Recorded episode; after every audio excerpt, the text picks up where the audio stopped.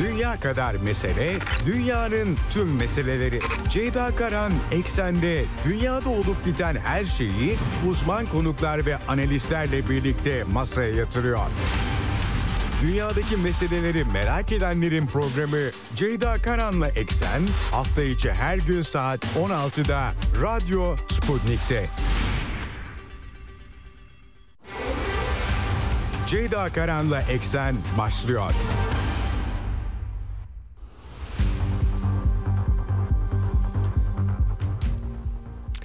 Eksenden merhabalar efendim. Bugün 3 Ocak 2024 günlerden çarşamba dünyadan haberlerle karşınızdayız. Yeni sene Orta Doğu'da hızlı başladı. İsrail-Filistin çatışmaları, can kaybı ve bölgeselleşme tehlikesiyle girdik 2024 senesine.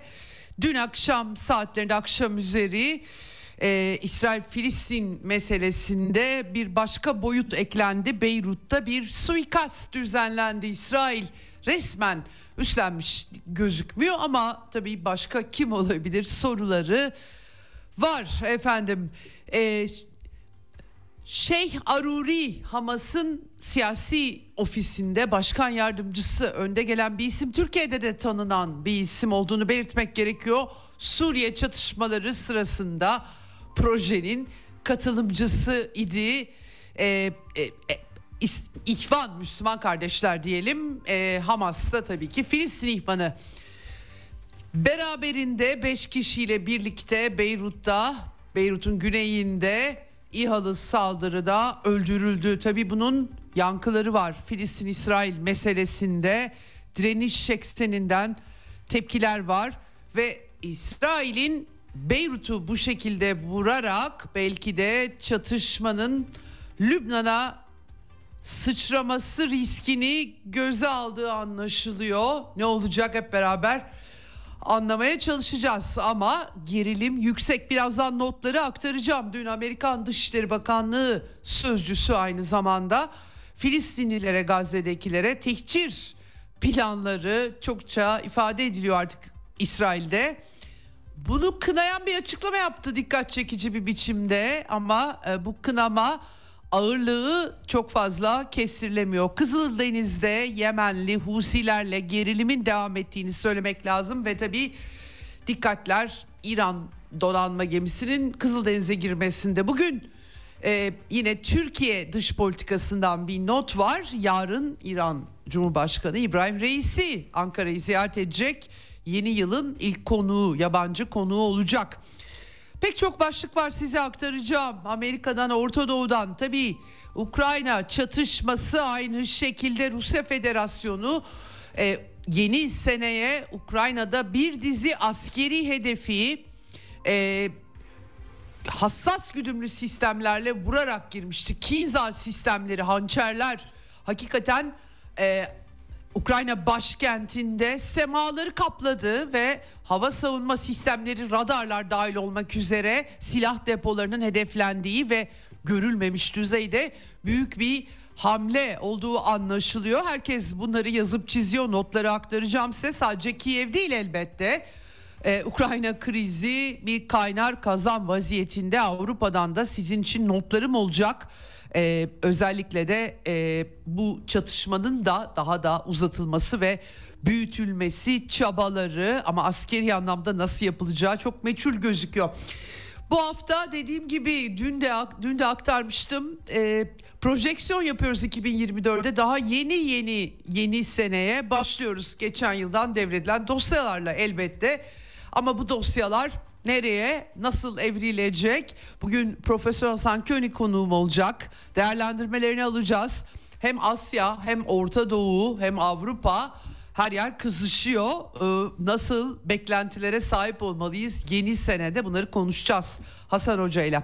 Evet başlamadan hemen frekanslarımızı tekrar edelim. İstanbul'dan 97.8, Ankara 96.2, İzmir 91, Bursa 101.4 ve Kocaeli 90.2 karasal yayın frekanslarımız bunlar. Bunun dışında Sputnik Türkiye'nin web sitesi üzerinden cep telefonu uygulamasıyla Türkiye'nin her yerinden bizi dinleyebilirsiniz. Yine Telegram hesabı Radyo Sputnik. Varsa Telegram hesabınız en kolay dinleme yollarından birisi de Telegram hesabına katılmak. O yolla hem canlı yayınları istediğiniz gibi takip edebilirsiniz hem de daha sonra arkadaşlarım kayıtları yüklüyorlar ve bu sayede akşam saatlerinde e, dünyada ne olmuş ne bitmiş öğrenmek istedi- istediğinizde rahatlıkla açıp oradan dinleyebilirsiniz. Diyelim başlayalım eksene.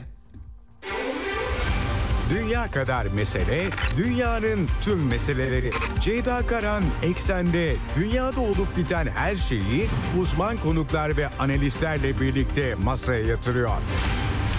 Dünyadaki meseleleri merak edenlerin programı Ceyda Karan'la Eksen hafta içi her gün saat 16'da Radyo Sputnik'te.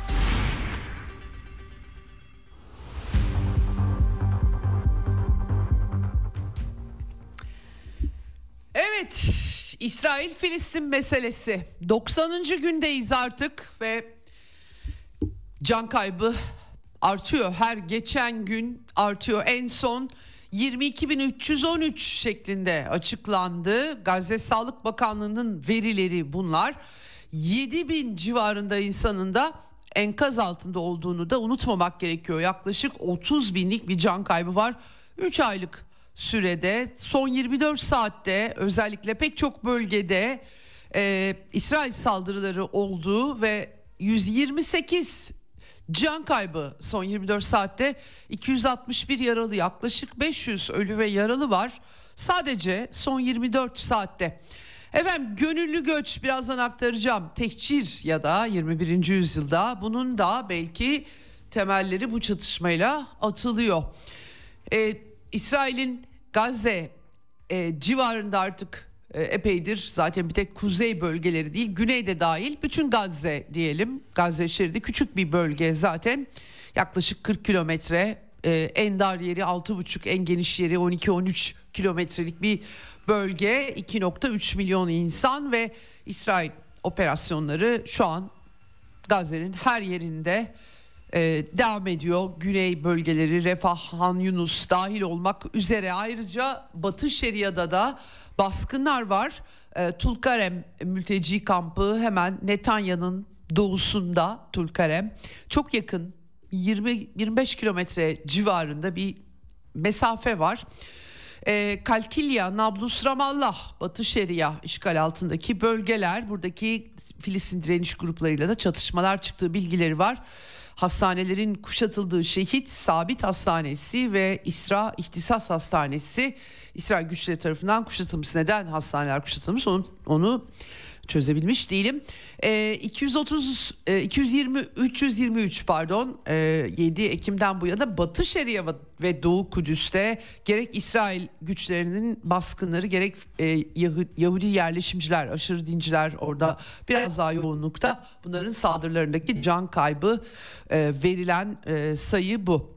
Efendim e, Birleşmiş Milletler diplomatik girişim ateşkes çabaları Şimdiye kadar sadece bir insani mola bir e, suya sabuna dokunmayan da güvenlik konseyi kararı üretmiş durumda. O da insani yardımlarla ilgili bunun dışına çıkılamadı. Bu arada yeni seneyle birlikte e, BM Güvenlik Konseyi'nin geçici üyelerinde devir devri devir teslim söz konusu oldu. Arnavutluk, Brezilya, Gabon, Gana, Birleşik Arap Emirlikleri'nin görev süreleri sona erdi. Bunların yerine geçen Haziran'da yeni üyeler seçilmişti. Bunlar da Cezayir, Guyana, Güney Kore, Sierra Leone ve Slovenya oldu. Ee, bu ayda zaten Güvenlik Konseyi'nde dönem başkanı artık Çin'den Fransa'ya geçmiş durumda. Yeni yıla Fransız dönem başkanlığıyla Güvenlik Konseyi e, başladı. Şimdi tabii e, yeni bir diplomatik girişim olabilecek mi? Yeni bir tasarı çıkabilecek mi? Bakalım Fransa ki ateşkes tasarılarını desteklemişti. Batı müttefiki,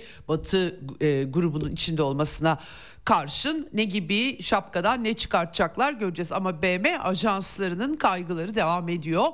Gazze'nin 5 bölgesinde yaklaşık 155 BM kurumu hala çalışmaya, işlemeye çalışıyor. Faaliyet içerisine kalmaya çalışıyor. Yaklaşık 1.4 milyon yerinden edilmiş Filistinli 400 bin kişi de barınaklar yakınlarında birikmiş vaziyette. Kapasitesinin birden fazla e, katı bir durum bu barınaklar hakikaten ama gitmiyor Filistinliler teçhir tartışmalarına rağmen e, inatla topraklarında kalıyorlar. E, Filistin Kızılay'ı bu arada e, Han Yunus şehrinde de ilk çadır kenti kurmuş durumda. Filistinliler 20. yüzyılda ulus devletleşememiş halklardan ve maalesef hep sürgün paylarına düşüyor. Çadır kentleri de ve sonradan e, yerleşim haline gelen çadır kentlere de e, a, e, hakikaten kaderlerine hep çadır kentler düştüğü söylenebilir. Bu sefer 300 aileye şimdilik kurulmuş ama sayısı da artırılacak. Dünya Gıda Programı tepkili efendim Birleşmiş Milletler'in X hesabından eski Twitter'dan Gazze'de herkes aç. Her gün umutsuzca yiyecek aranıyor.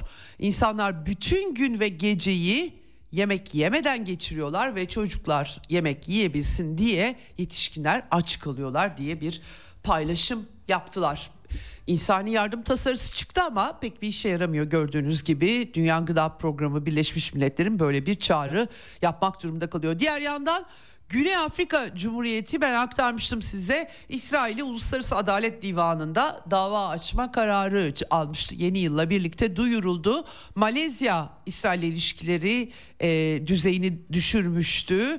Gemilerin Malezya limanlarına uğramasını yasaklamıştı. Malezya yönetimi Güney Afrika'ya destek e, vermiş e, yaptığı açıklamada ama İsrail e, bu arada soykırım sözleşmesine de taraf e, İsrail e, bu davayı boykot etmiyor anladığım kadarıyla. Ulusal Güvenlik Danışmanı İsrail'in Hanegbi açıklama yapmış. Davaya katılacağız ve iftira anlamına gelen soykırım suçlamasını reddedeceğiz demiş.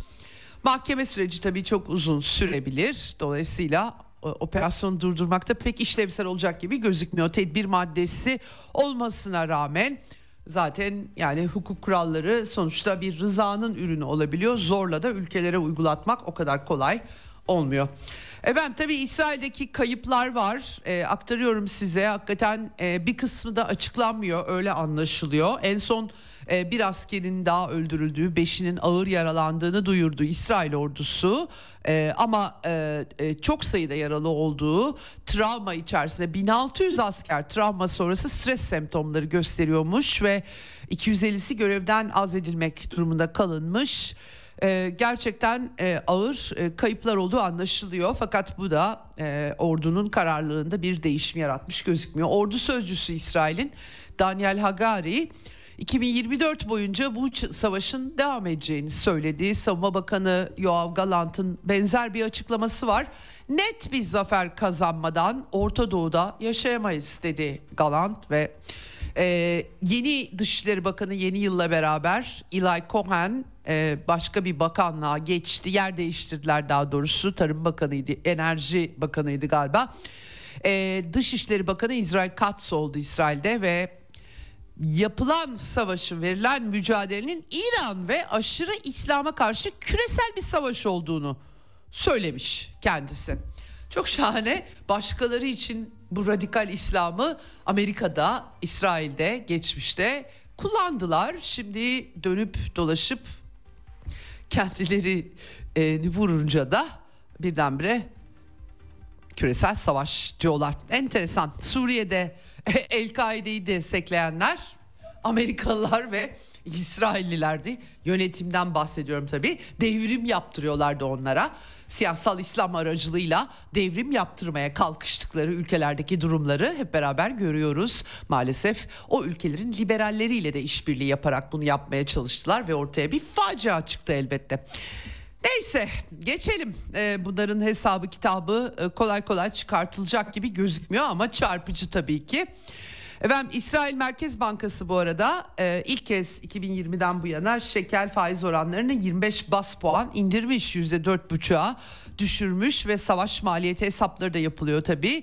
210 milyar şeker yaklaşık 58 milyar dolar ki aşağı yukarı 50 milyar dolar olarak hesaplanıyordu artacak biraz daha. Tabii Amerikalılar da destek veriyorlar İsrail'e. Para da var, zenginler öyle söyleyelim. E, fakat tabii e, böyle bir çerçevede en flash mesele aslında 2023'ü de e, bu tehlikeyle tamamladık. Bölgeselleşmesi krizin Gazze ile sınırlı kalması kalmaması Amerikalılar, Avrupalılar buna dair kaygılarını dile getiriyorlar. Ne kadar samimiler onu bilemiyorum doğrusu ama dün e, bu açıdan e, kimileri iddia ediyor tabii ben e, pek öyle düşünmüyorum. E, yine bir anlamda tuhaf bir biçimde topu Hizbullah'ın sahasına yuvarlamak için çeşitli hamleler yapılıyor. Onlardan birisi ama güçlüsü demek lazım. Dün akşam saatlerinde İsrail İHA'larıyla Lübnan'ın başkenti Beyrut'ta Hamas ofisine saldırı gerçekleştirildi. Salih El Aruri dahil olmak üzere Kassam Komutanı Samir Fendi, Kassam Komutanı Azzam El Akra, e, Mahmut Zeki Şahin, Muhammed El Rais, e, Muhammed Basasa ve Ahmet Mahmut hayatını yitirmiş gözüküyor. E, Meşrafiye bölgesinde Dahiya Lübnan'ın güneyinde Beyrut'un güneyindedir. Hamas ofisi vuruldu. Tabi Salih El Aruri Hamas siyasi e, ofisinin başkan yardımcısı üst düzeyde bir isim. İsrailler e, aslında İsrail yönetimi Türkiye dahil olmak üzere nerede olursa olsun Hamas üst düzeyine suikastlar yapacaklarını açıkça da ilan etmişlerdi. Türkiye'den de tepki çekmişti hatırlarsanız. Bunun ilk ayağının Beyrut'ta olduğu anlaşılıyor. Ee, Aruri, Salih Aruri'yi Türkiye'deki bir takım etkinlikler, siyasal İslamcıların etkinliklerinden de tanıyoruz. Kendisi aynı zamanda El Kassam'ın kurucularından ee, ve Suriye çatışmasında rejim değişikliği ajandasını sırtlayan isimlerden birisiydi. Tabi devran döndü şimdi işler farklılaştı. E, e, Şam'ı terk edenler arasındaydı yine. E, Suriye'de Amerikan destekli vekalet savaşta Hamas'ta payına düşen rolü oynamıştı o dönemde. Tabii çok büyük bir başarısızlıkla sonuçlandı. Ee, İsrail'in, İsrail yönetiminin Suriye'yi omlete çevirme e, plan ve projesinde Müslüman kardeşler çok önemli bir unsur olarak öne çıkmıştı. Şimdi tekrardan yumurtaya döndü Suriye ama Hamas İsrail'le savaş veriyor. Böyle de trajikomik bir durum söz konusu efendim. Tabii diyeceksiniz ki siyasal İslamcılık tutarsızlıkla malul dolayısıyla normal karşılamak gerekiyor olabilir.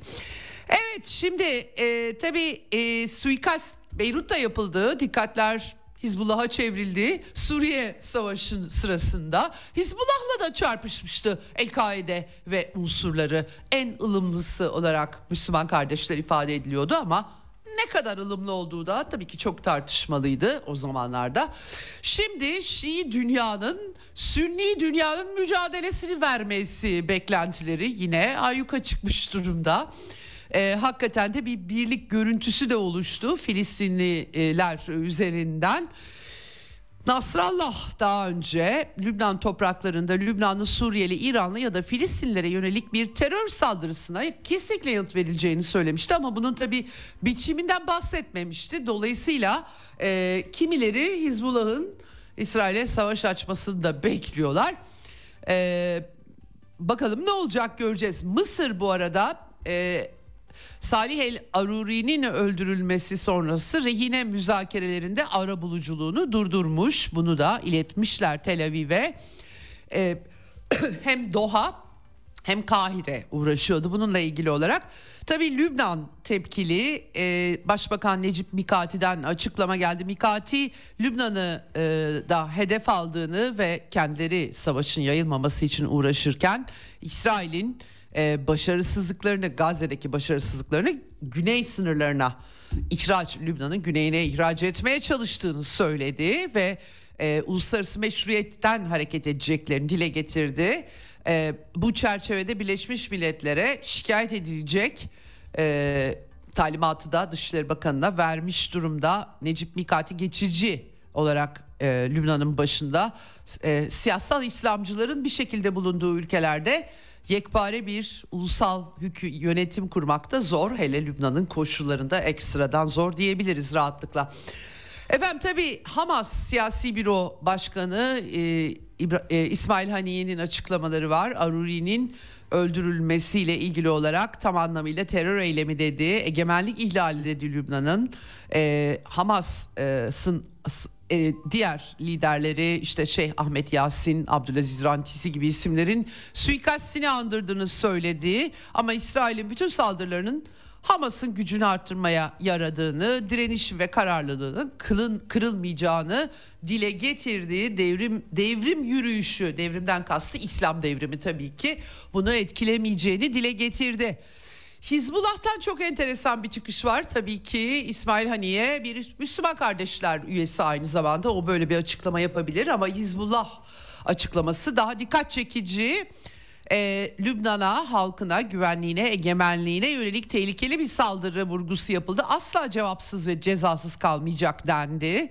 Kudüs yolunda şehit olduğu Aruri'nin vurgulandı. Tüm direniş ve cihat grupları ve hareketlerinden e, hareketlerine taziyeler iletildi. Filistinli gruplar ulusal yaz kapsamlı bir grev ve tüm alanlarda cephelerde devrimci eylem ilan ediyoruz. E, dendi Filistin'i laik gruplardan bahsediyoruz. İslami cihat tabii onlar da çatışmaların kapsamını genişletmek ve bölgeye yaymaya çalışmak girişimi olduğunu bunu söylediler. Efendim e, Fetih El Fetih Hareketi konsey üyesi Cemal Havail e, Haruri'nin Filistin'in birliğinin sağlanmasında ve işgale karşı çıkılmasında önemli bir rol oynadığını iddia etti. El Fetih Hareketi Merkez Komite üyesi Abbas Zeki de sadece Hamas'ın değil tüm direniş gruplarının şehididir dedi. Enteresan gerçekten e, Suriye'de sa- savaşmıştı Hamas'la Filistinli seküler laik gruplar ama e, bu koşullarda bir birlik ruhu da aşılanıyor gibi gözüküyor. Filistin halk Filistin Kurtuluş İçin Halk Cephesi'nden de açıklama var. Tespit yapmışlar. Aruri'nin öldürülmesi Gazze Savaşı'nın hedeflere ulaşamamasının ardından bir e, saha başarısı elde etme girişimidir denmiş. Hakikaten de başarılı bir girişim gibi gözüküyor bu arada. Yani e, siyasi büro başkan yardımcısını devirmiş oldu İsrail bu suikastle. Tabii e, Hizbullah hemen bir üç askeri noktaya saldırı yapmış. E, İsrail'in kuzeyinde Merç, Merç Mitat e, Celal Alem askeri noktalarına. E, İsrail'de ise enteresan bir görüntü var. Washington Post gazetesi açıkça Aruri suikastinin sorumlusunun İsrail olduğunu yazdı tabii. Herkes biliyor zaten faili. Ee, Amerika'ya bilgi verilmediği, operasyon sırasında bilgi paylaşıldığı iddia ediliyor. Doğru bile olsa Amerika'nın yeşil ışığı olmadan bölgesi olarak yayma çabaları nasıl olacak? Doğrusu ben kestiremiyorum. Demek ki yeterince dizginleyemiyor ya da dizginleyemiyor Amerikalılar. Böyle gözüküyor. Tabii söz geçiremiyor da olabilirler. İsrail her adımını Amerika'ya sorup ona göre karar alan bir ülkede değil. Bunu da belirtmek gerekiyor. Ee, ama asıl ilginci Netanyahu savaş kabinesi üyelerine sakın ha bir e, El Aruri suikastı ile ilgili yorum yapmayın talimatı vermiş bu e, El Cezire'nin haberine göre. Nitekim e, zaten bunun e, Netanyahu'nun danışanı Mark Regev'in açıklamalarından da izini sürmek mümkün aslında. E, Beyrut'taki saldırının sorumluluğunu üstlenmiyoruz dedi Mark Regev. E, Lübnan hükümetine e, Hizbullah saldırmadık. Kim yapmış olursa olsun Lübnan devletine değil bu. Hamas'a terör örgütü e, Hamas'a yönelik saldırı dedi. E, çok da hassas davranmışlar ve sadece Hamas'ı yani dalga geçer gibi gerçekten inanılmaz. E, suikasti bu şekilde tanımlamış.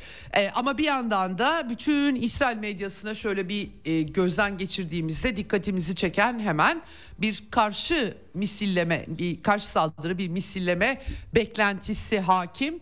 E, İsrail ordu sözcüsü her türlü senaryo için hazırız e, vurgusu yaptı. Ama e, bunun arkasından e, top Nasrallah'ın elinde yani Hizbullah liderinin sürekli bir e, dürtükleme söz konusu deyim yerindeyse İbrani e, İbranice Kanal 12 e, ya İsrail'le kapsamlı bir savaşa girecek Nasrallah ya da durumu kontrol altına alacak diye yorum yapmışlar. Haaretz gazetesi ki İsrail solunda olarak görülüyor. E, bir makalede İsrail Lübnan'a kara harekatını düşünmeli tavsiyesi yer aldı e, halkı belki hazırlama mı olabilir bilemiyorum ama eski Savaş Bakanı Avigdor Lieberman e, Güney Lübnan'ı 50 yıl daha işgal etmek zorunda kalabiliriz dedi. Yani bu çatışmanın yayılması riski herkesi El Aruri meselesi bir tarafa ya da Hizbullah'ın vereceği yanıt bir tarafa niyet mi bu diye kuşkulandırıyor. Tabii e, ne yapabiliriz bula? İsrail'e daha uzun menzilli sistemlerle daha ağır bir daha ağır bir saldırı yapabilir mi füze saldırısı? Örneğin İsrail e, kabinesi toplantı en son toplantı galiba yapmamış ama güçlü bir yanıt beklentisi olduğu anlaşılıyor. E, bu çerçevede ne olacak hep beraber göreceğiz. Tabi tepkiler Arap dünyasında, Müslüman dünyada var. Ürdün'de öfkeli protestolar yansıdı. Yemen'den tepki geldi. İşgalin acizliğini ortaya koyuyor diye. İran kınadı Aruri'nin öldürülmesini Dışişleri Sözcüsü e, ve e, özellikle de Güvenlik Konseyi'ni, BM Güvenlik Konseyi'ni harekete geçmeye çağırdılar. Ee, Abdullahiyan İran Dışişleri Bakanı e, suikastla ilgili Beyaz Saray'ın doğrudan desteğine rağmen haftalardır savaş suçu da işlemelerine rağmen soykırım ve yıkım hedeflerine ulaşamadılar dedi Abdullahiyan ve e, bu e, rejimin terör makinasının diğer ülkelerdeki şeytani faaliyeti dedi. Barış ve güvenliğe yönelik gerçek bir tehdittir. Tüm bölge, bölgenin güvenliğine vurgu yaptı. Bu arada tabii Kasım Süleymani bugün 3 Ocak 2020'de 3 yıl önce e, devrim e, muhafızları Kudüs Gücü Komutanı Suriye çatışmasında efsaneleşmiş bir isimdi. General Kasım Süleymani ölüm, öldürülmüştü Bağdat'ta Trump'ın talimatıyla Amerikalılar başka bir ülkenin devlet yetkilisini yine başka bir ülkenin topraklarında vurmuşlardı. Ve e, tabii e, yürüyüşler düzenleniyor gerek Irak'ta e, Ebu Mühendis Iraklı komutan da hayatını yitirmişti bu suikaste. Bağdat'ta e, gösteriler vardı. Kerman kenti anıt mezarı var orada. Bugün e, anmaların yapıldığı e, e, Kirman e, kentinde, Kerman Kirman kentinde e, dikkat çekici patlamalar meydana geldi. 20 kişi hayatını yitirmiş gözüküyor devlet televizyonuna göre. E, mezarlığa giden yolda birkaç gaz dolu tüp patladı deniyor. Yani bir bombalama olarak yansımadı ama tabii biraz detayları için beklemek gerekiyor. Öğleden sonra geldi bu haberler. Ee, bu da dikkat çekici. Evet. Şimdi e, Yemen meselesi devam ediyor. Bugün Husilerin önemli bir açıklaması bekleniyor ama zaten Gazze'ye destek için İsrail gemilerini, İsrail'e giden gemileri ya da vuruyorlar. CENTCOM en son e, Kızıldeniz'e iki gemisi var. Füze daha fırlattıklarını duyurdu.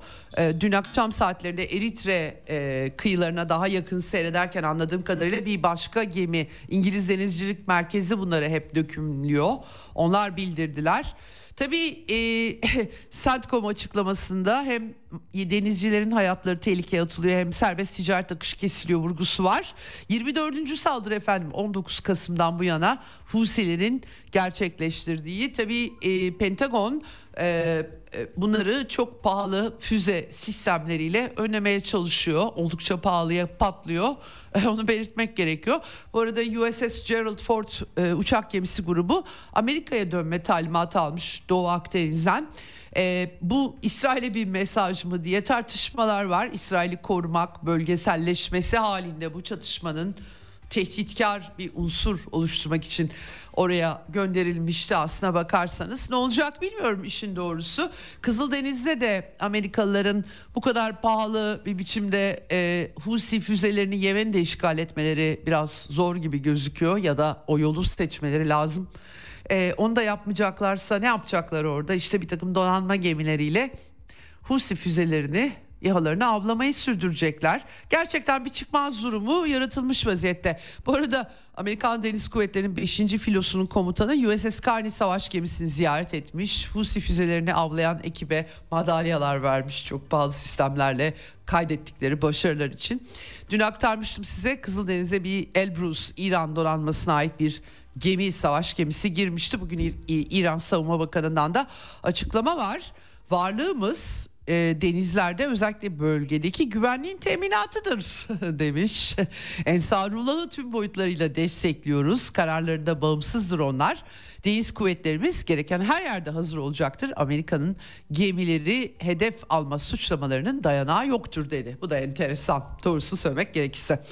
Evet şimdi onun dışında Iraklı e, direniş grupları Haseke'de, Deir ez Suriye sahasında dört Amerikan üssüne saldırı düzenlediler. E, bu arada Suriye e, ordusunun da IŞİD gruplarında Deir Ezzor'un batı kırsalı, kırsalı El Tabni çölünde vurduğu haberleri geldi. Suriyeliler hala bununla mücadele etmek durumundalar. Onu belirtelim. Böyle bir çerçeve var ama tabii Lübnan ilk başta herkesin gerilimin patlaya, patlama riskinin arttığını düşündüğü yer. Bu konuda Fransa tabii Lübnan'da da etkili bir güç.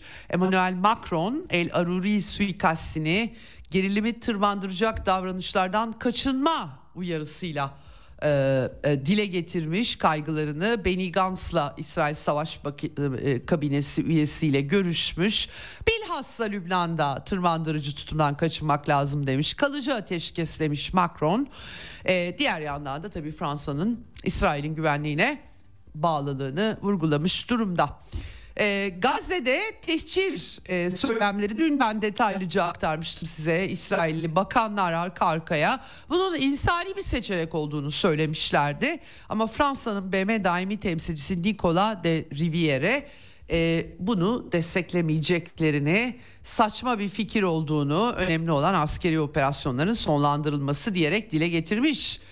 Ee, böyle bir durum var. Tabii ilk defa olarak da ABD'den de benzer bir e, tepki geldi. Daha doğrusu ilk defa bu kadar güçlü geldi diyelim. Amerika e, Dışişleri Sözcüsü Matthew Miller özellikle Maliye Bakanı Smotrich ve e, Ulusal Güvenlik Bakanı İsrail'in Ben Givir'in tehcirle ilgili söylemlerini kınadıklarını söyledi. Kışkırtıcı ve sorumsuzca dedi e, belki bugüne kadarki en güçlü dille derhal durdurulmalıdır bu açıklamalar. Buranın Hamas'ın bu çatışma sonrası Hamas hüküm sürmeyecek ve e, İsrail'i tehdit edecek herhangi bir terör örgütünün hüküm sürmemesini destekliyoruz ama burası Filistin toprağı hiçbir tereddüte bırakmayacak şekilde ifade ettik demiş gerçekten. Bizim istediğimiz gelecek budur. Tabii e, zorlu bir gelecek istiyorlar. Nasıl olacak orası belli değil. İsrail'de aşırı sağ ve dinci kanat bu konuları sırtlıyor tabii. İsrail içinde de eleştiriliyor. Bunu belirtmek lazım. En son e, İç İstihbarat Şimbet eski direktörü Carnegie Lon e, IŞİD'la İsrail dinci sağının aynı olduğunu söylemiş. Her yerde dindar, yobaz, İslamcı, Yahudi ya da Katolik de fark etmez. Dini insan hayatlarının her alanı düzenleyecek şekilde işletmeye çalışan gibi tamamen felsefi, politik, ideolojik dinin kendisi bir ideoloji zaten bu anlamda. Ve bunun aşırısı aydınlanmadan geçmemiş her yerde aynı tabii ki. Ama tabii bunu dile getirince biraz tepki çekmiş Şimbet'in eski direktörü Carnegie Lon, Benny Gantz örneğin e, aşağılık ve utanç verici demiş. Bölünme, kışkırtma, şiddet içeren söylemlerin İsrail toplumunda yeri yoktur demiş. İlginç. Daha çok laik kanatta gösterilir ama herhalde bu koşullarda bu işleri çok karıştırmamak lazım diye düşünüyor olabilir. Bu çerçevede Anthony Blinken bu hafta İsrail'i ziyaret edecekti ama Salih El Aruri'nin öldürülmesinden sonrasına denk geldi. Teknik sebeplerle diyorlar, alakası yok diyorlar ama hemen Aruri suikastinden sonraya denk geldiği için dikkat çekici ertelendi. Haftaya gideceği belirtiliyor. E, Amerika'da Bernie Sanders e, demokrat senatör e, bağımsız artık duruyor tabii ki. Her ne kadar 7 Ekim'de Hamas'ın terör saldırılarını kınasa da İsrail ordusunun yanıtının orantısız, ahlaksız ve uluslararası hukuka aykırı olduğunu belirterek 10 milyar dolarlık yeni askeri yardım paketini durdurma çağrısı yaptı. Artık yeter kongre bu fonu sağlamayı reddetmeli dedi. Tabii Amerika'da e, seçim senesi artık başladı 2024. Dış politikadan da çok memnun gözükmüyor Amerikalılar. En son Washington Post gazetesi e, AP Nork anketine yer vermiş. Burada açıkça gözden geçirilmesi gerektiği görüşü ağırlık kazanıyor. Ee, dış politikada Orta Doğu'da savaştan endişeler var. Ee, Rusya ile ilgili çatışma e, Rusya-Ukrayna çatışması bir öncelik olarak sadece yüzde dördü belirtiyormuş. Yani Biden'ın önceliği Amerikalıların önceliği gözükmüyor. Bunu e, belirtmek lazım. Tabii Amerika'da bugün rakamlar da dolaşıyor. 34 trilyon dolar kamu borcu yaklaşık 2.6 trilyon dolarlık bir artış olmuş 2022 sonundan bu yana. Ee, geçici bütçe şimdi bir süre daha 19 Ocağı kadar e, enerji, tarım, ulaştırma gibi alanlarda e, savunma dahil 2, 2 Şubat'a kadar geçici bütçede var. Ama tabii bir takım krizler var. Yeniden kongre çalışmaları hızlanacak. Ukrayna'ya, İsrail'e finansman sağlamak vesaire. Bakalım bütün bunlar bu anketler Amerikan dış politikasına bir değişiklik yaratacak mı göreceğiz. Ama İsrail Filistin özelinde ben aktarmıştım size İsrail e, Filistin çatışması yüzünden daha doğrusu Amerikan üniversitelerinde kaynar kazan hal oluşmuştu. Tabii İsrail'i destekleyenler, Filistinli Arapları destekleyenler, soykırım yapıldığını iddia ediyor. Genç gençlik kesimi biliyorsunuz daha az realist oluyor, daha gençken biraz daha ütopik yaklaşıyor olaylara diyelim. Doğal olarak heyecanlı oluyorlar. Eylemler, protestolar vesaire. Ee, üniversitelere çok yansımıştı Amerika'da artık hatırı sayılır bir Arap nüfus da var tabii ki Müslüman nüfus da var. E, oturumlar yapıldı. Kongre oturumları tabii Harvard, e, Pennsylvania Üniversiteleri ve Massachusetts e, Teknoloji Enstitüsü MIT rektörler oturumlarda e, ifade özgürlüğünün koşullarını sağladıklarını söylediler ama antisemitik eylemlerin önünü açmakla itham edilmişlerdi. Sonunda Pennsylvania rektörü Elizabeth McKill istifa ettirildi, baskı yapıldı ve Harvard'ın rektörü, kadın rektörü de Claudine Gay de nihayet istifa etmiş. Kendisi istifa etmiş. E, Harvard'a zarar verdiği için Amerika'da tabii ki bu çatışmanın yankıları pek çok alanda hissediliyor. Üniversiteler dediğim gibi bundan azade değil. Bir yandan da tabii seçim senesi e, her şey daha e, Orta Doğu'daki çatışmalar sürdükçe e, Demokrat Parti'nin tabanındaki gençlik kesiminde daha hissedilir itirazlar beklemek belki mümkün olabilir. Evet dönelim Orta Doğu'dan son birkaç nota. ABD ve Katar 10 e, yıllık Amerikan askeri varlığını 10 e, yıl daha uzatma e, daha doğrusu Amerikan askeri varlığını 10 yıl daha uzatacaklar. El Udeyd hava üssü diyeceksiniz ki Müslüman kardeşler anti-emperyalist bir örgüt, Amerikan karşıtı Öyle değil tabii ki. Orta Doğu'daki bütün projelerde birlikte hareket ettiler. Hani Amerika'nın zayıflığından faydalanarak aradan sıyrılmaya çalıştıkları filan gibi şeyler de söylenebilir belki ama fark etmez. Katar dediğimiz küçücük ülkede 10 bin e, Amerikan askeri, 10 binden fazla Amerikan askeri kapı gibi Orta Doğu'da en güçlü üslerden birinde konuştu ve şimdi uzatıyorlar bunu. Dolayısıyla bir yandan Katar Müslüman kardeşleri tıkır tıkır, tıkır fonluyor. Bir yandan Amerikan üslerine ev sahipliği yapıyor. Hepsi bağlantılı elbette. Hem kim demiş ki Batılılar siyasal İslamcılıktan haz etmiyorlar diye yalan külliyen. Evet Sovyetler Birliği'ni nasıl çökerttiklerini hangi aygıtları kullandığını hepimiz biliyoruz efendim. Şimdi bugün e, yine e, İbrahim Reisi ile ilgili haberler var. Çünkü Türkiye'yi ziyaret edecek. Ankara ilk kez bir konuk ağırlayacak. Yüksek düzey işbirliği konseyi toplantısı var Türkiye-İran arasında. Pek çok ilişkiler yani ekonomi, enerji, ticaret hepsi konuşulacak gibi gözüküyor ama tabii Gazze meselesi ve El Aruri suikasti de gündemde olacak. Aslında Kasım sonlarında gelecekti ama bir şekilde ertelenmişti onu belirtelim. E, Türkiye'de de bu İsrail meselesiyle ilgili bir e, MIT operasyonları ile ilgili bir gündem var. Çok çözemedim açıkçası ama... E, İsrail istihbaratına yönelik 2021'den beri dördüncü operasyonun yapıldığı Köstebek operasyonu deniyor. 8 ilde çoğu yabancı uyruklu 34 kişinin gözaltına alındığı e, aktarılıyor Mossad adına casusluk faaliyetleri nedeniyle. Bu da yeni değil aslında devam eden bir şey ama başka bir ayağı diye anlıyorum. Bilemedim doğrusu Türkiye kamuoyunda malum, ma- malum söylemler çok sert ama eylemde somut hiçbir şey yok. İsrail'le ticaret tam gaz sürüyor gemiler gidiyor geliyor petrol yakıt çelik her şey veriliyor deniyor.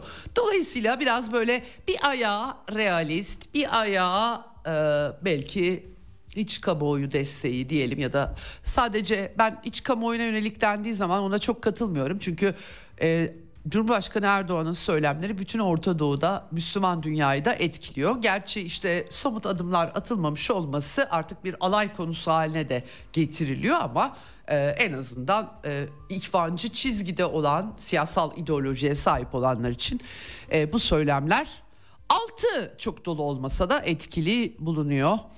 E, dolayısıyla e, bunu belirtmiş olalım bir MIT operasyonu. E, maç hikayesi oldukça Türkiye kamuoyunu gerdi tabii. Cumhuriyet'in 100. yıl dönümünde iki Türk takımı üzerlerinde Atatürk e, o da görünür görünmez e, formalarında işte İstiklal Marşı'nın söylenmesi gibi e, Suudi Kraliyeti'nin tabii 180 derece zıttı bir varlığımız olduğu için e, maç yapılamamıştı. E, efendim hepimiz takip ettik. Şimdi dikkat çekici tabii Suudi Arabistan resmi haber ajansı Bakanlar Kurulu'nun Kral Salman bin Abdülaziz Başkanlığı'nda toplandığını Riyad'da ve Türkiye ile doğrudan yatırımların teşviki alanında işbirliği için imzalanan mutabakat zaptını onayladığını duyurdu. Ee, Temmuz'da Suudi Arabistan'ı ziyaret etmişti Cumhurbaşkanı. Nedir bunun detayı onu bilmiyoruz. Acaba Türkiye'nin bir takım varlıklarının satışı mı söz konusu? Herkesin genel kaygısı çünkü kamuoyunda oraya yönelik. Onu e, yani yatırımlar doğrudan yatırımların teşviki de doğrudan yatırım nereye onu tam olarak anlayabilmiş değilim. E, ilginç e, böyle bir durum var. Evet e, kalan 15 dakika e, biraz Ukrayna aktaracağım size. E, 30 e, Aralık'ta Ukrayna ordusu hemen bir gün öncesinde 29'unda Rusya Federasyonu'nun e, Ukrayna'nın kritik askeri tesislerini hedef alan depoları, e, İHA üretim tesisleri e, ne hedef alan büyük bir saldırısı gerçekleştirilmişti. E, Rusya'nın mermileri, silahları pek tükeniyor gözükmüyor artık. Batılılar da kabul ediyorlar. Geçen yıl ortaya sallanan yalanlardan artık e, herhangi bir şey göremiyoruz. E, geçen sene çünkü biliyorsunuz çamaşır makinelerinden çip söküldüğü iddia edilmişti. Gerçekten bunu Ursula von der Leyen gibi yetkili isimler bile söyleyebilmişlerdi. Çok şaşırtıcıydı artık demiyorlar. Şimdi tabii buna 30 Aralık'ta Ukrayna banderacı ordu rastgele e, Bel, e, Belgorod kentini vurarak yanıt verdi. Çok sayıda insan hayatını yitirdi. E, şehir merkezinde askeri e, herhangi bir hedef de yok. Direkt sivil hedeflere misket bombalarıyla. Tabii ondan beridir bir Ocak'la birlikte Rusya Federasyonu'nun e, misilleme saldırıları var ama Putin çok açık bir biçimde ortaya koymuştu. Bizim düşmanımız Ukraynalılar değil. Açıkça Amerika'nın düşman olduğunu da belirtmişti. Ukrayna'nın ötesinde bu çatışmaya onlar veriyorlar diye. E, sivillerin hedef olmayacağını ısrarla Rusya Federasyonu vurguluyor. E, bir takım sivil ölümler rapor edildi ama onların anladığım kadarıyla çoğu da e, İHA üretim tesislerinde çalışanlar, savunma sanayinde çalışanlar. E, görebildiğim kadarıyla daha doğrusu bir kısım biraz karışık ortalık ama e, Polonya medyası, Ukrayna kanalları dahil olmak üzere hemen herkes hedef alınan Rusya Federasyonu saldırılarında hedef alınan yerleri açıkça belirtiyorlar efendim. Yani 30 Aralık'taki Belgorod katliamının intikamı askeri sanayi kompleks vurularak alınıyor. Siviller vurularak değil. Ee, füze üretimi yapan tesisler, işletmeler, batı tedariki füzelerin depolandığı yerler, mühimmat depoları. Ee, e, e, bu arada kinzaller çok yoğun kullanılmış gözüküyor. Hançer kinzaller radarlar e, ve çok etkili olduğu anlaşılıyor. Ukrayna tabii açıkçası yani bu iki yıl bize öğretti çok yalan söylüyorlar. E, videoları izledim Kiev semalarında öyle hava savunması falan gözükmüyor. Çok az ilk gün 29'unda vardı ama sonrasında e, bu durumda aslında patriotlar, NASAMS'ların vurulmasına bağlanıyor. E, 9 general öldürüldüğü bir komuta merkezi Kiev'de. Biri Zaluzhny'nin genelkurmay başkanının yardımcısı deniyor. İsveç, Danimarka, Litvanya, Estonya'dan paralı askerlerin bulunduğu 4 komuta merkezi. Bunların bir kısmını Ukraynalılar aktarıyorlar. Ee, Igor e, Mosichuk eski milletvekili Rada'da Zelenski yönetiminin yalan söylediğini, herkesin nerelerin vurulduğunu çok iyi bildiğini, kayıpların saklandığını yazmış, söylemiş. Polonya medyası Kiev'deki bütün gelişmiş askeri altyapının Rusya Federasyonu tarafından başarıyla vurulduğunu yazmış. Burada iki NASAMS tesisi Patriot füzelerinin bulunduğu büyük bir depo imha edilmiş gözüküyor.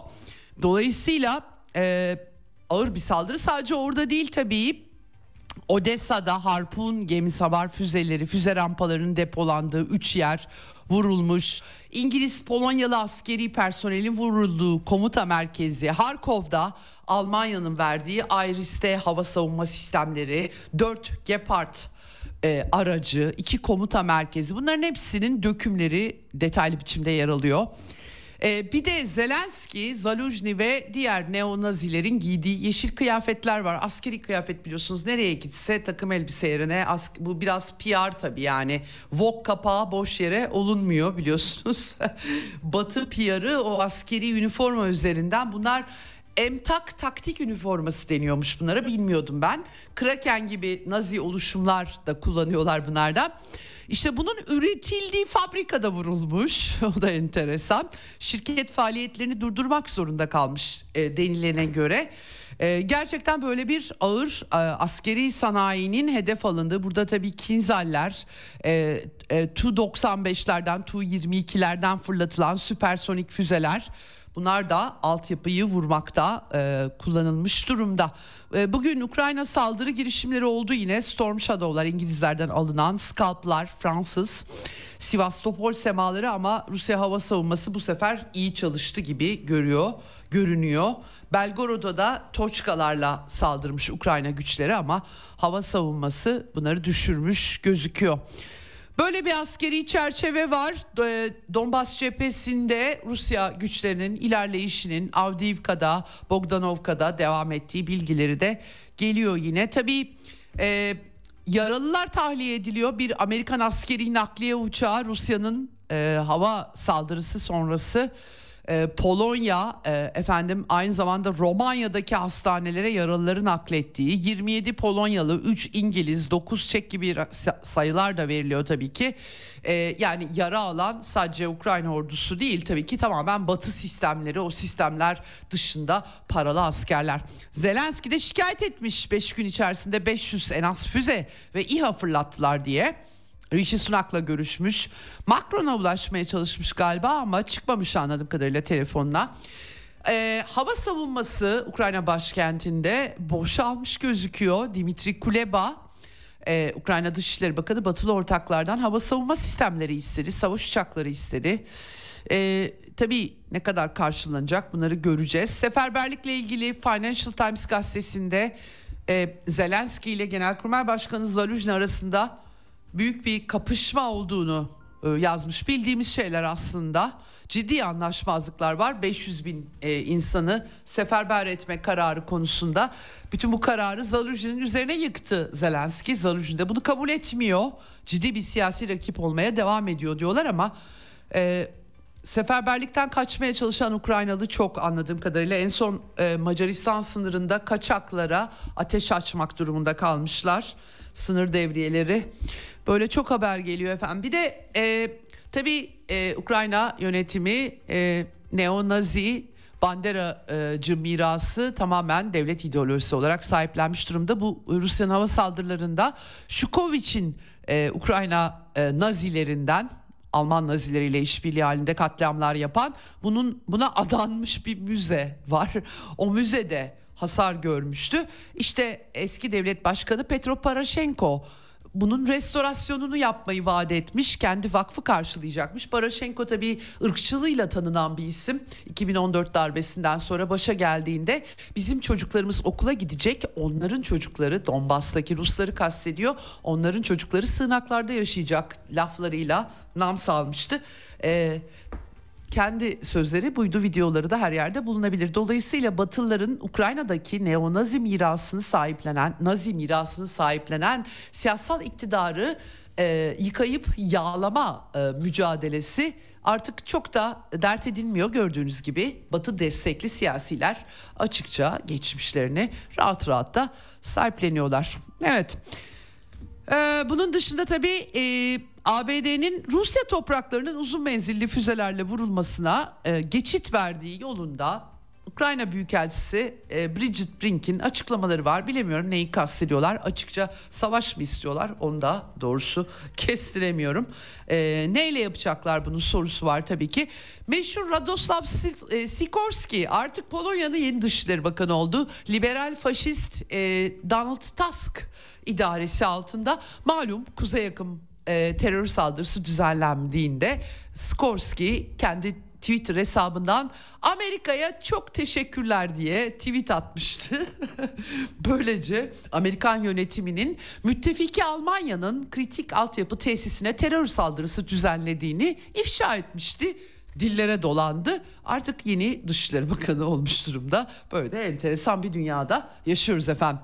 Evet o da e, Rusya'da komuta merkezlerini vurmak için uzun menzilli füzeler verilmesini önermiş. Yani malem, malem, madem Polonya Dışişleri Bakanı oldu Rusya'yı Polonya'nın uzun menzilli füzeleriyle acaba vurmaya cesaret edebilir mi Sikorski diye insanın aklına geliyor. Doğrusu söylemek gerekirse başkalarına böyle şeyler önermek enteresan. Evet. Bu arada İngilizler Karadeniz'i kaynatma planlarına küçük çaplı bir darbe yediler. Bu Ukrayna'ya mayın avlama gemilerinin hibe edilmesi yoluyla e, Türk boğazlarından Karadeniz'e geçişten bahsediliyordu ama izin verilmemiş zaten.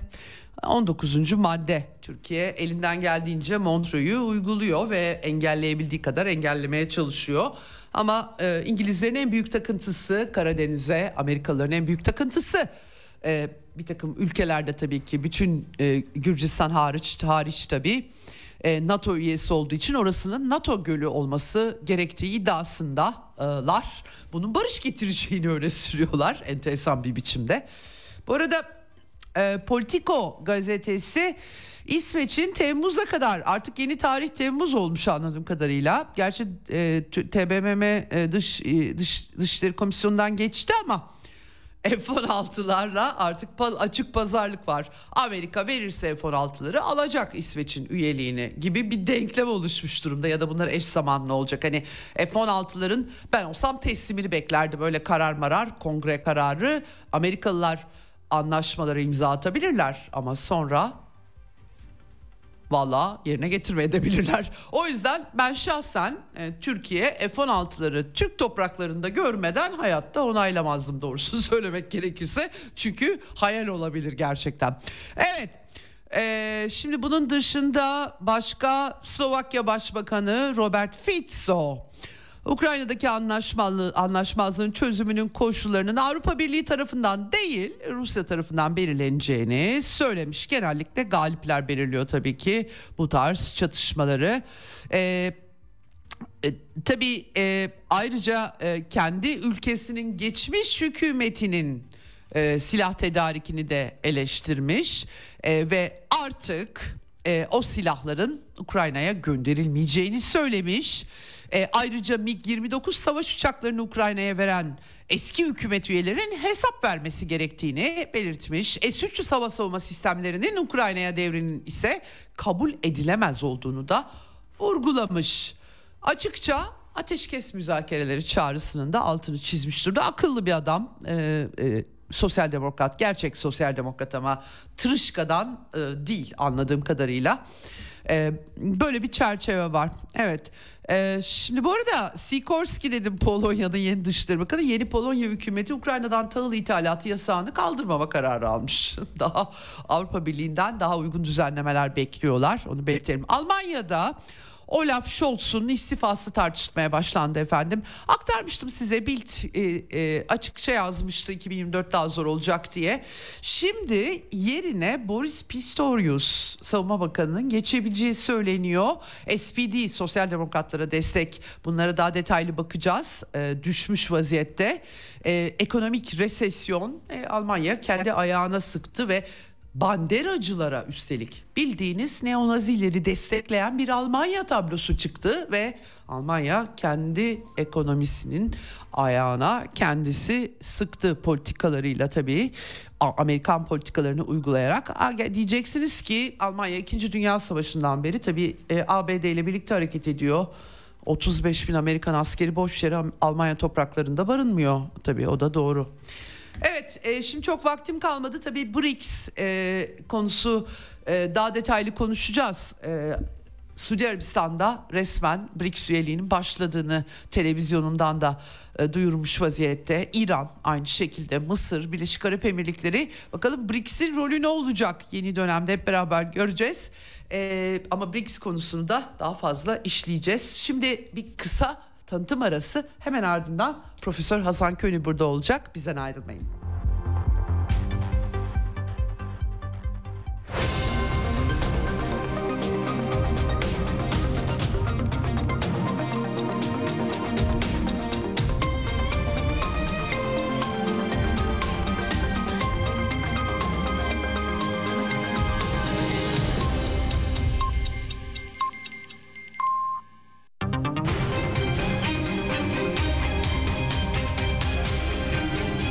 Sputnik. Anlatılmayanları anlatıyoruz. Ceyda Karan'la Eksen devam ediyor.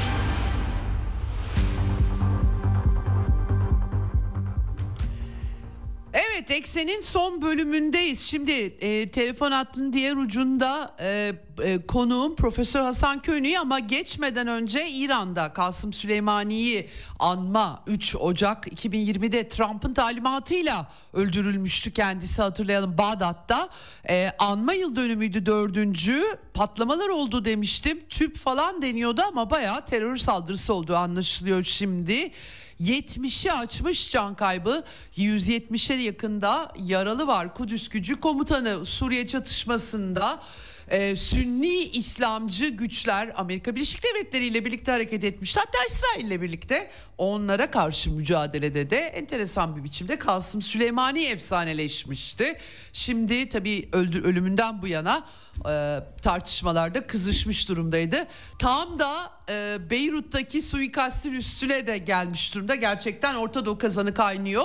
Hemen ben ama hocama dönmek istiyorum. Hocam hoş geldiniz yayınımıza. E, çok sıcak haber vardı onu vermek durumunda kaldım. E, öncelikle yeni yılınız kutlu olsun diyerek e, başlayayım. Hasan Hocam.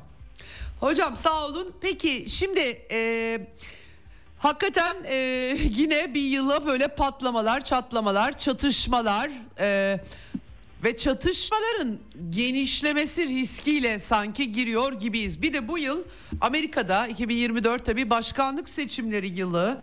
Orada da enteresan işler dönüyor. Hem e, Biden yönetiminin e, politikaları sorgulanıyor hem içeride Trump'a karşı yargı e, kullanılarak bir siyasi engelleme yapılıyor gibi manzara var. Böyle çok karışık bir dünya tablosu. Çok seçim var bu sene. Ee, kuş bakışı şöyle baktığınız zaman 2024'ü e, hocam nasıl okuyorsunuz? Önce e, pek çok kriz başlığı var ama e, sizin genel görüşünüzü alarak başlamak isterim. E, şimdi 2024'te e, daha sağ liderlerin iş başına geldiğini e, göreceğimizi tahmin ediyoruz. E, bunu bazı ülkeler de destekliyor. Şimdi sağ liderlerin de e, güç kazanmasının nedeni e, dışarıya doğru bir takım güç gösterileri yapmak. Yani e, Türkiye'nin de öyle ne zaman içeride çok büyük ekonomik buhranlar olsa ya e, PKK'ya yahut Yunanistan'a karşı bir takım reaksiyonlar ortaya çıkmaya başlıyor. Bir takım olaylar gelişiyor. O olaylar üzerinden gösteriler bilmem neler. Bu arada Gazze olaylarını da e, yani edebiyat tarzı da şişirerek bir takım e, hareketlere girişiliyor.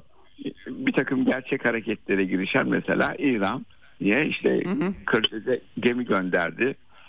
E, bazı e, hareketleri de destekliyor fakat kendi ülkesindeki sistemden dışarı çıkmamaya çalışıyor. Yani ona bağlı bir takım güçleri e, e, boyutları ortaya koymaya çalışıyor. Bu sırada da demin bahsediyordunuz BRICS'e e, girdi. Daha evvel de Şangay Birliği'ne girmişti. Çünkü İran bundan sonra hem Irak hem İran başlarına geleceklerini tahmin ediyorlar. Çünkü İsrail gazetelerinde okuyoruz. Diyor ki yani ileride Türkiye, Suriye ve Lübnan'la uğraşır. Buradaki hareketler onu ilgilendiriyor. Şimdilik e, Batı'ya karşı bir reaksiyon koyuyor. Ama bundan sonra e, İran ve Irak'taki e, İran güçleriyle uğraşacağız. Zaman ona geliyor. Şimdi e, bunu da hissetmiş olacak e, İran rejimi. Kendisini küresel güney denen yapının içinde yapılandırmaya çalışıyor. Acaba beni korurlar mı? Yani BRICS'le birlikte işte para değiş tokuşu biliyorsun 6 milyar dolar alacaktık şeyden e, Arap ülkelerinden Esir takası. alamadı. Evet Evet. onu alamadı. E, müthiş de bir askeri harcama yapıyor. Askeri harcamalar zaten batık giderlerdir. İşte Çin'e yaklaşmaya çalışıyor. Petrol bilmem neye satarak.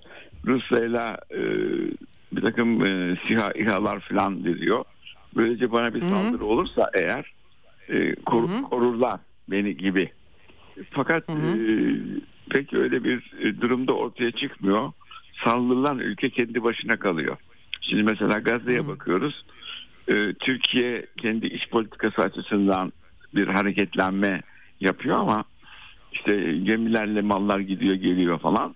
E, yani çok güçlü bir e, politik söylem ama o söylemin arkasında e, gerçek bir boyut ortaya koyma yok. Mesela ne bileyim Batı'nın yanında kalarak e, Kızıldeniz Körfezi'ne e, Yemenlerin bulunduğu yere asker bile göndermedi. Yani bir gemi göndermedi.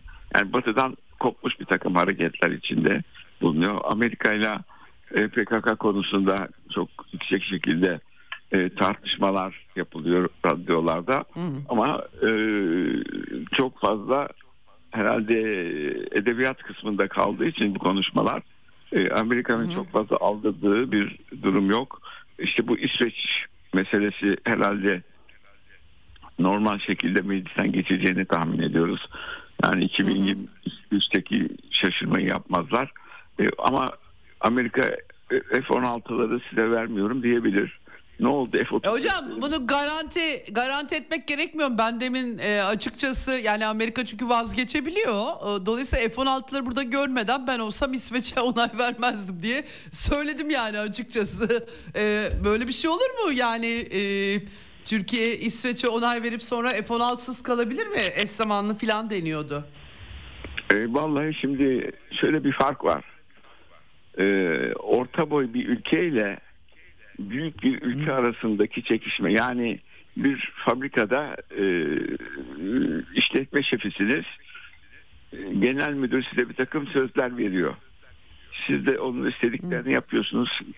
Vallahi hepsini yapamadık Ahmet dediği zaman ya istifa edeceksiniz ya e, olan olanlarla olayı götürmeye çalışacaksın. Şimdi yani kamuoyuna konuşur gibi ey Amerika ben geliyorum gidiyorum filan ayağa uluslararası ilişkilerde geçerli değil. O Türk kamuoyu için geçerli bir takım boyutlardır. Yani uluslararası ilişkiler e, laflar üzerinden dönmüyor. Gerçek davranışlara bakılıyor, gerçek uygulamalara bakılıyor falan filan.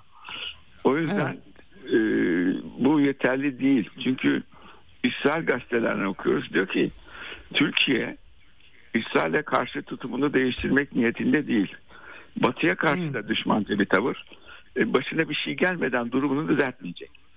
Şimdi bu e, BESA araştırma grubunun yazdığı raporda ortaya çıkıyor. Bu demek ki başımıza bir şey gelecek. Ama nereden gelecek, nasıl gelecek onu bilemiyorum. Çünkü böyle bir yazı yazılması herhalde hepimiz okuyoruz çünkü İngilizce yazmışlar. E, epeyce şey geliyor. Sonra e, Zekeriya'nın bir yazısı var. Amerika eski gücünden kaybetmemeye çalışmalı. Yani gene uğraşmasına devam etmeli. Ama ilginçtir.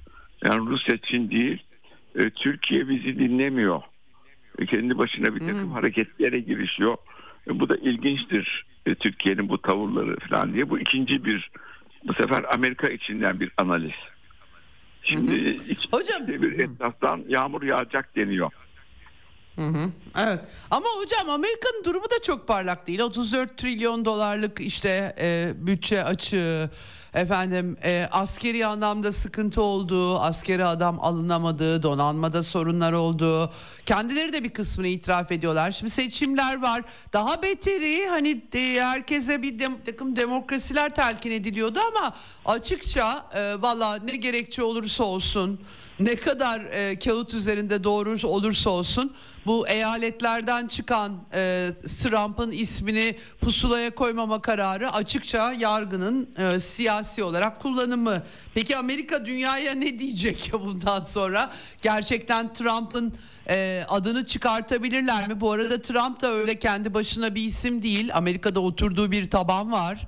E, çok e, Amerika'nın e, Asya'ya yönelmek istediğini biliyoruz ama Orta Doğu'da İsrail'i kontrol edemez görüntüsü var en azından. Ukrayna'da e, gerçekten ağır bir yenilgiyle karşı karşıya kalmış gözüküyorlar.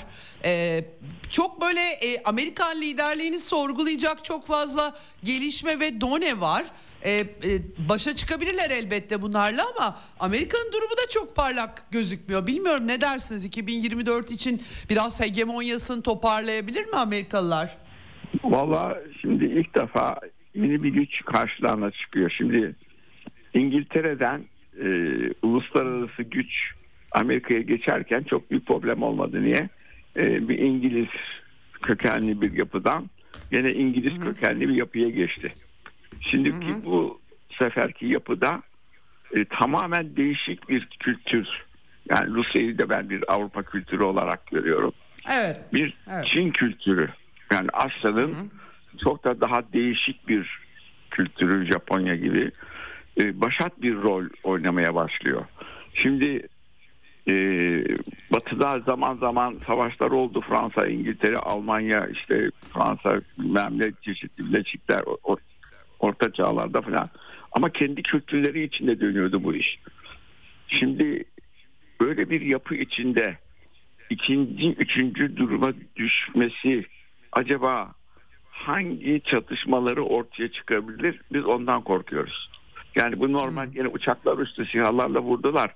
O da ona roket attı gibi e, Ukrayna-Rusya savaşı gibi olmaz diye tahmin ediyorum.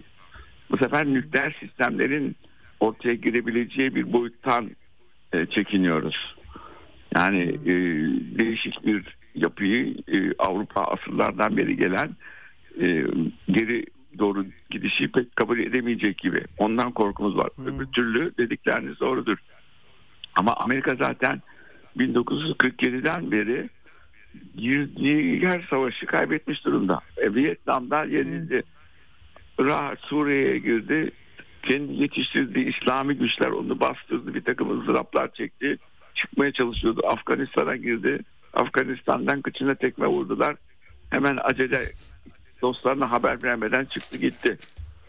Ee, şimdi de Ukrayna'da uğraştırıyor ve Avrupa'yı e, tepeden aşağı çevirdi. Ekonomik açıdan zor hallere girdiler. Almanya gibi parlak bir ülke Rusya ile birleşerek petrol ve gaz bulup o teknolojisini de vererek büyük bir Avrasya kültürü oluşturacaklardı. Ruslar da Avrupalı. Hem de Hristiyan e, tamamen şeye dönmüş. Ama ona müsaade etmiyor çünkü iki okyanusun ortasında e, yanında Latin Amerikalılarla birlikte eski Azteklerle birlikte e, dızlak kalacak.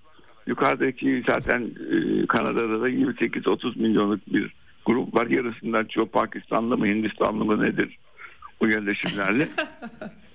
e, bun, bununla yaşaması mümkün değil. O yüzden çeşitli güç gösterileri yapıyor. Ve uluslararası düzen, hukuka dayalı düzen diye bir laf kullanıyorlar. E ben de devletler hukuku anlatıyorum, çocuklara anlatıyorum, çocuklar arada sadık ediyorlar. E dedim ki ya anayasayı da dinlemiyorlar. O zaman anayasacıyı da görün. Yani yapacak bir şey yok. Bu da dedim uluslararası hukuku dinlemiyor. E buna da gülün. Yapacak bir şey yok. Yani sistem evet. işleyişi bu tarzda gidiyor. Ve hakikaten kendisi ekonomik açıdan en çok korktuğu şey e, dolarizasyonun zayıflamaya başlaması. Evet. İşte bu BRICS olayları bu e, büyük güney topluluğu yahut yeni gelişmekte olan güney yapıları kendi paralarıyla evet. işbirliği yapmaya çalışıyorlar. En çok evet. E, Çin'le Asya'da işbirliği yapıyorlar. Bu onu rahatsız ediyor. Şimdi acaba ne gibi bir olay çıkaracak? Şimdi bak şöyle bir şey bakın. Karadeniz'e çıkılmıyor. Rusya açısından söylüyorum. Evet. İsveç şeye alınıyor. NATO'ya alınıyor. Baltık Denizi'ne çıkılmıyor. Bir program yapılacaktı. Arktik bölgede Amerikan faaliyetleri buna karşı Rusya'nın tutumu. Güneydoğu Asya'da Japonya, Filipinler, Hindistan'la çevriliyor. Ne oluyor? Çin ve Rusya'yı kara toprakları içine kilitliyor. Onlar da bunu kabul etmeleri mümkün değil. O halde daha büyük çatışmalar ileride çıkabilir diye düşünüyorum. Ee, yanılmış olmayı da çok istiyorum. Evet. Bütün evet. denizlerle çevreyi kapatıyorsun.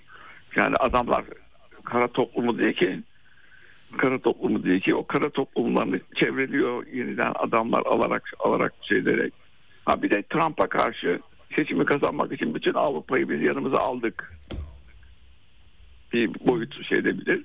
Trump'ı önlemeseler bile e, Florida'daki DeSantos aslında DeSantis deniyor ama DeSantos o adam çıkabilir. Aynı karakterde Trump giremese bile yani Amerikan beyazları bu sefer dış politikada çuvallamış olan içeride ekonomiyi ters tutan Biden'ı bir tarafa edecekler. Ama ondan sonra gelen beyazların e, Orta Doğu'daki tutumu ne olabilir? Bir kere Yahudi parasıyla seçildikleri için oradaki tavırları pek değişmez diye düşünüyorum.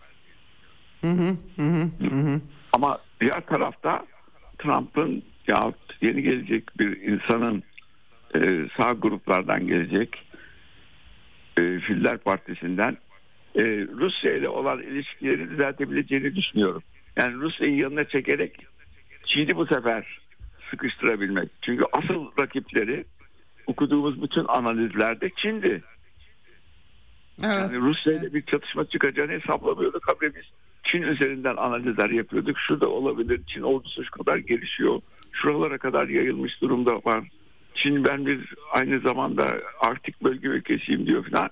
Bu Amerika'yı korkutan bir olay. Ama tuttular Rusya üzerinden bir sistem çıkartmaya çalıştılar. Niye? E, bütün ülkeleri NATO'ya alacaklar. E, o zaman Kiva da şeye girsin. BRICS'e girsin. Ne zaman 1960'da niye heyecanlandılar o kadar kendi altlarında Küba bağımsız bir devlet değil mi? İstediği topu bombayı yerleştiremez mi? Türkiye nükleer silah alamaz mı? Yerleştiremez mi? Ha, o zaman niye korkuyorsunuz? Ha, demek ki Rusya da çekiniyor kendi sınırına NATO'nun gelip bilmem İsveç'in tuttuğu e, şeye Moskova'ya 100 kilometre mesafede e, NATO orduların bulunduğu bir olaya karşı onun da reaksiyon olacak diye gayet normal görüyoruz. Uluslararası ilişkiler söylediği laflar Evet. bunlardır diye düşünüyorum. Evet. Açıkça da açıkça da söylüyorlar zaten yani bunun iki anlaşma da önerildi. 2021 aralığında hatırlarsanız hiç kale bile almadılar. Yani ben açıkçası Biden yönetimi 2014'te yarım kalanı tamamlamak için başkan olur olmaz e, harekete geçti diye düşünüyorum hocam.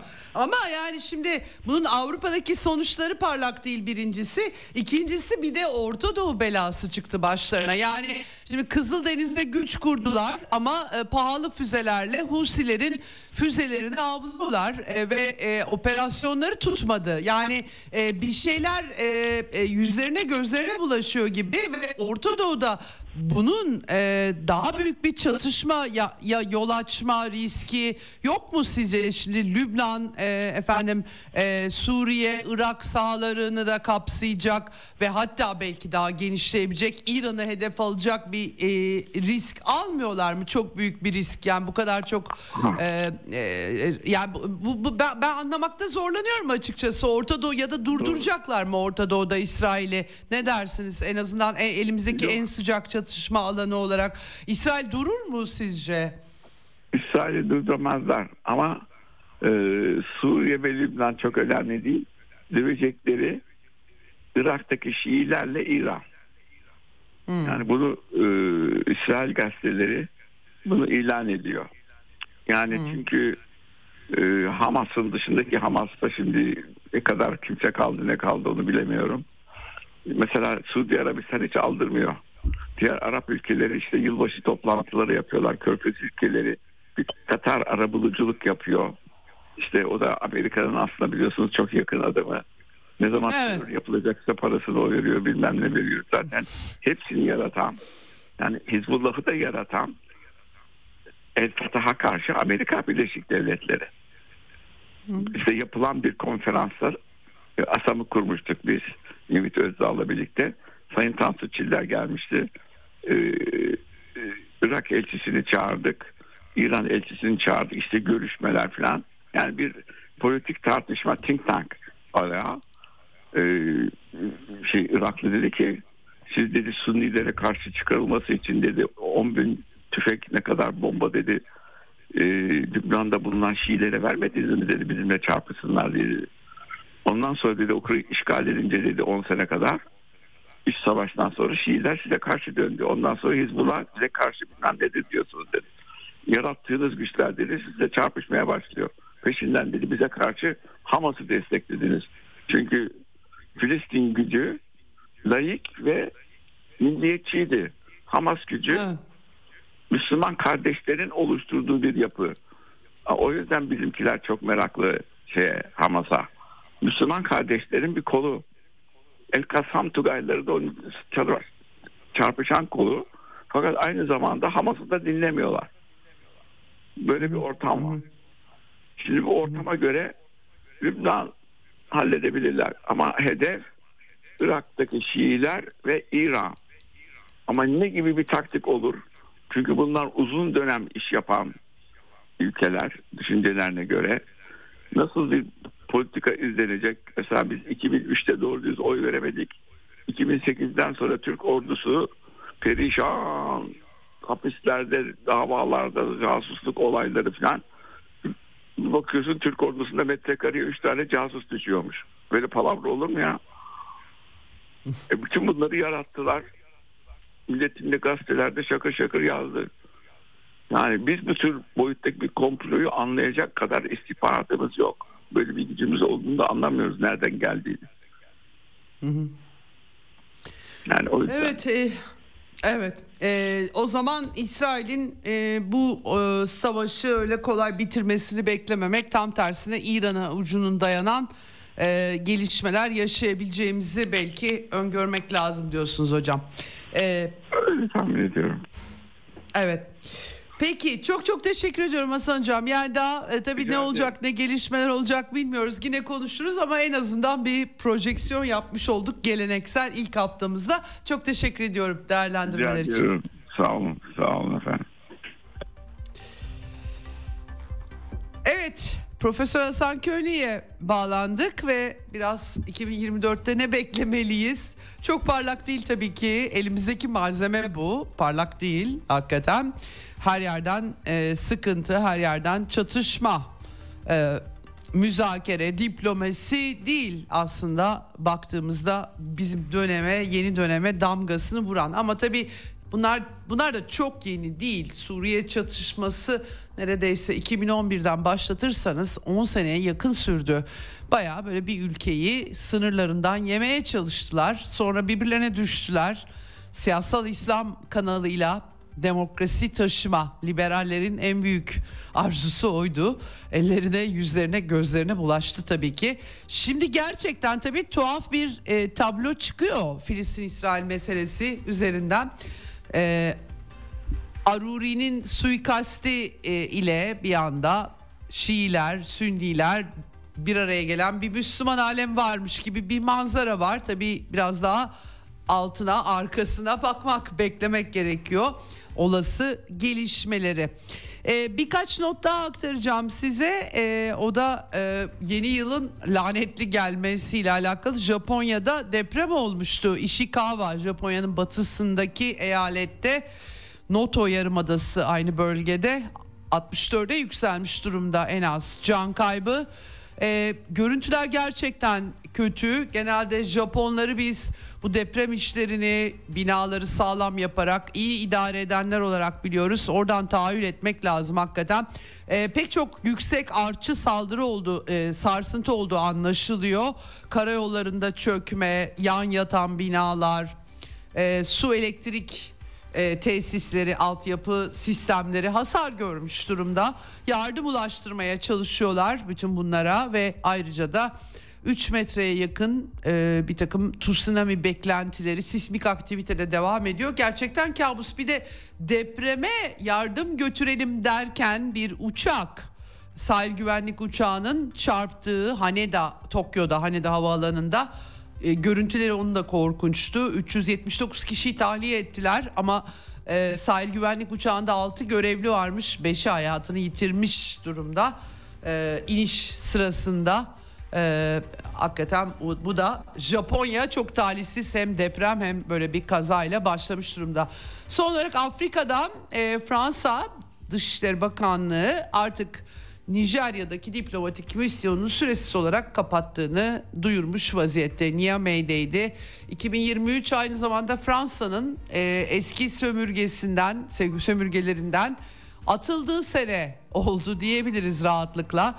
Diyeceksiniz yani e, öyle bir sömürge ilişki sömürge bağımsız olmuş bu ülkeler ama öyle bir e, sömürge ilişkisi kurulmuş ki bütün kaynaklarını hüpleten bir Fransa ortaya çıkmıştı ama bu sene bu işler değişti. Diplomatik personeli çekiyorlar. Ordu Fransız ordusu da büyük ölçüde çekildi. Son Fransız askeri de Burkina Faso'yu, Nijer'i terk etti. Böyle bir resim vardı. Bakalım 2024 Afrika'da nelere e, vesile olacak, neler göreceğiz. E, bunlara da e, bakacağız. E, son olarak size e, tekrar edelim. İran'da Kasım Süleymani'yi anma e, toplantıları yapılırken patlamalar 4. yıl dönümünde ölümünün 3 Ocak 2020'de Trump'ın talimatıyla Bağdat'ta e, havaalanında vurulmuştu, öldürülmüştü. Ve şimdi e, işte e, Kirman şehir eyaletinde e, yaklaşık 73 deniyor ama e, bir terör saldırısı olduğu anlaşılıyor. Yarın daha detayını aktarmaya çalışacağım sizin tekrarla tekrar eden e, bu e, olayı tekrardan aktarmak isterim. Evet yarın görüşmek üzere Eksen'den. Hoşçakalın efendim. Ceyda Karan'la Eksen sona erdi. Dünya kadar mesele, dünyanın tüm meseleleri. Ceyda Karan Eksen'de dünyada olup biten her şeyi uzman konuklar ve analistlerle birlikte masaya yatırıyor. Dünyadaki meseleleri merak edenlerin programı Ceyda Karan'la Eksen hafta içi her gün saat 16'da Radyo Sputnik'te.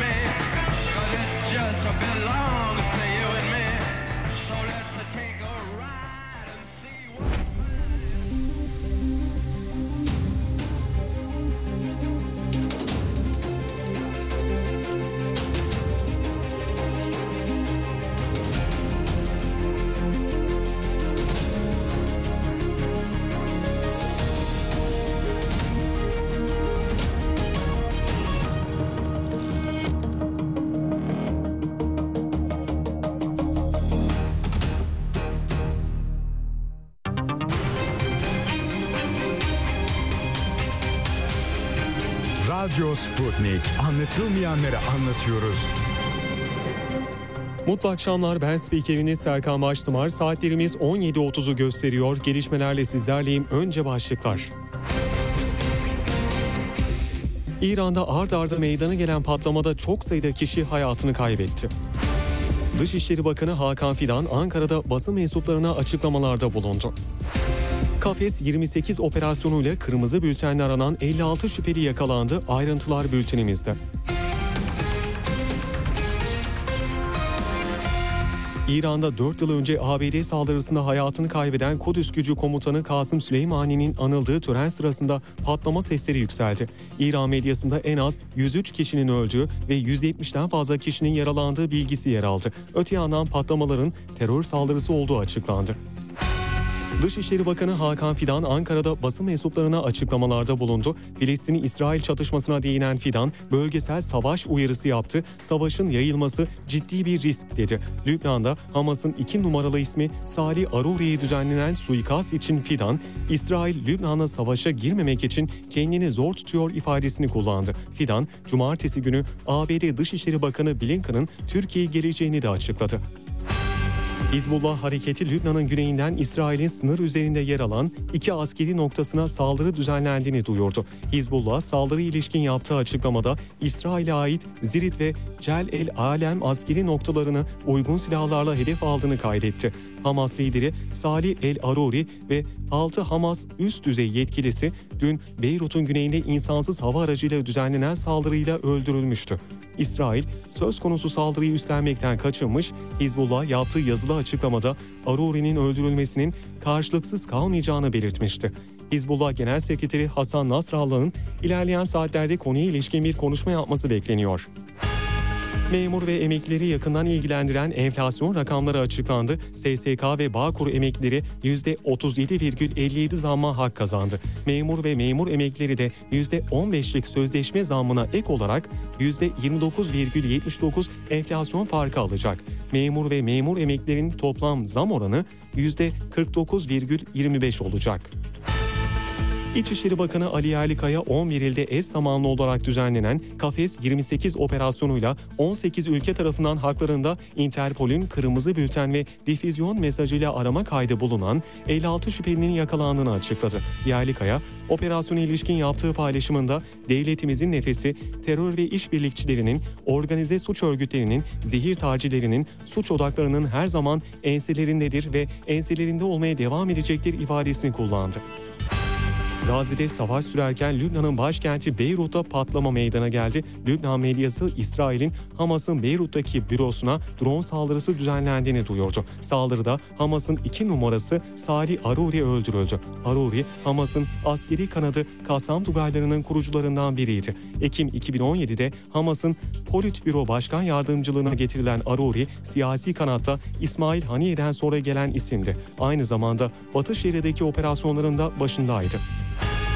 MİT, terör örgütü PKK-KCK'nın sözde sorumlularından İslam Cehanfer'i Türkiye sınırına yaklaşık 200 kilometre uzaklıktaki Irak Süleymaniye Pencevin kırsalında etkisiz hale getirdi.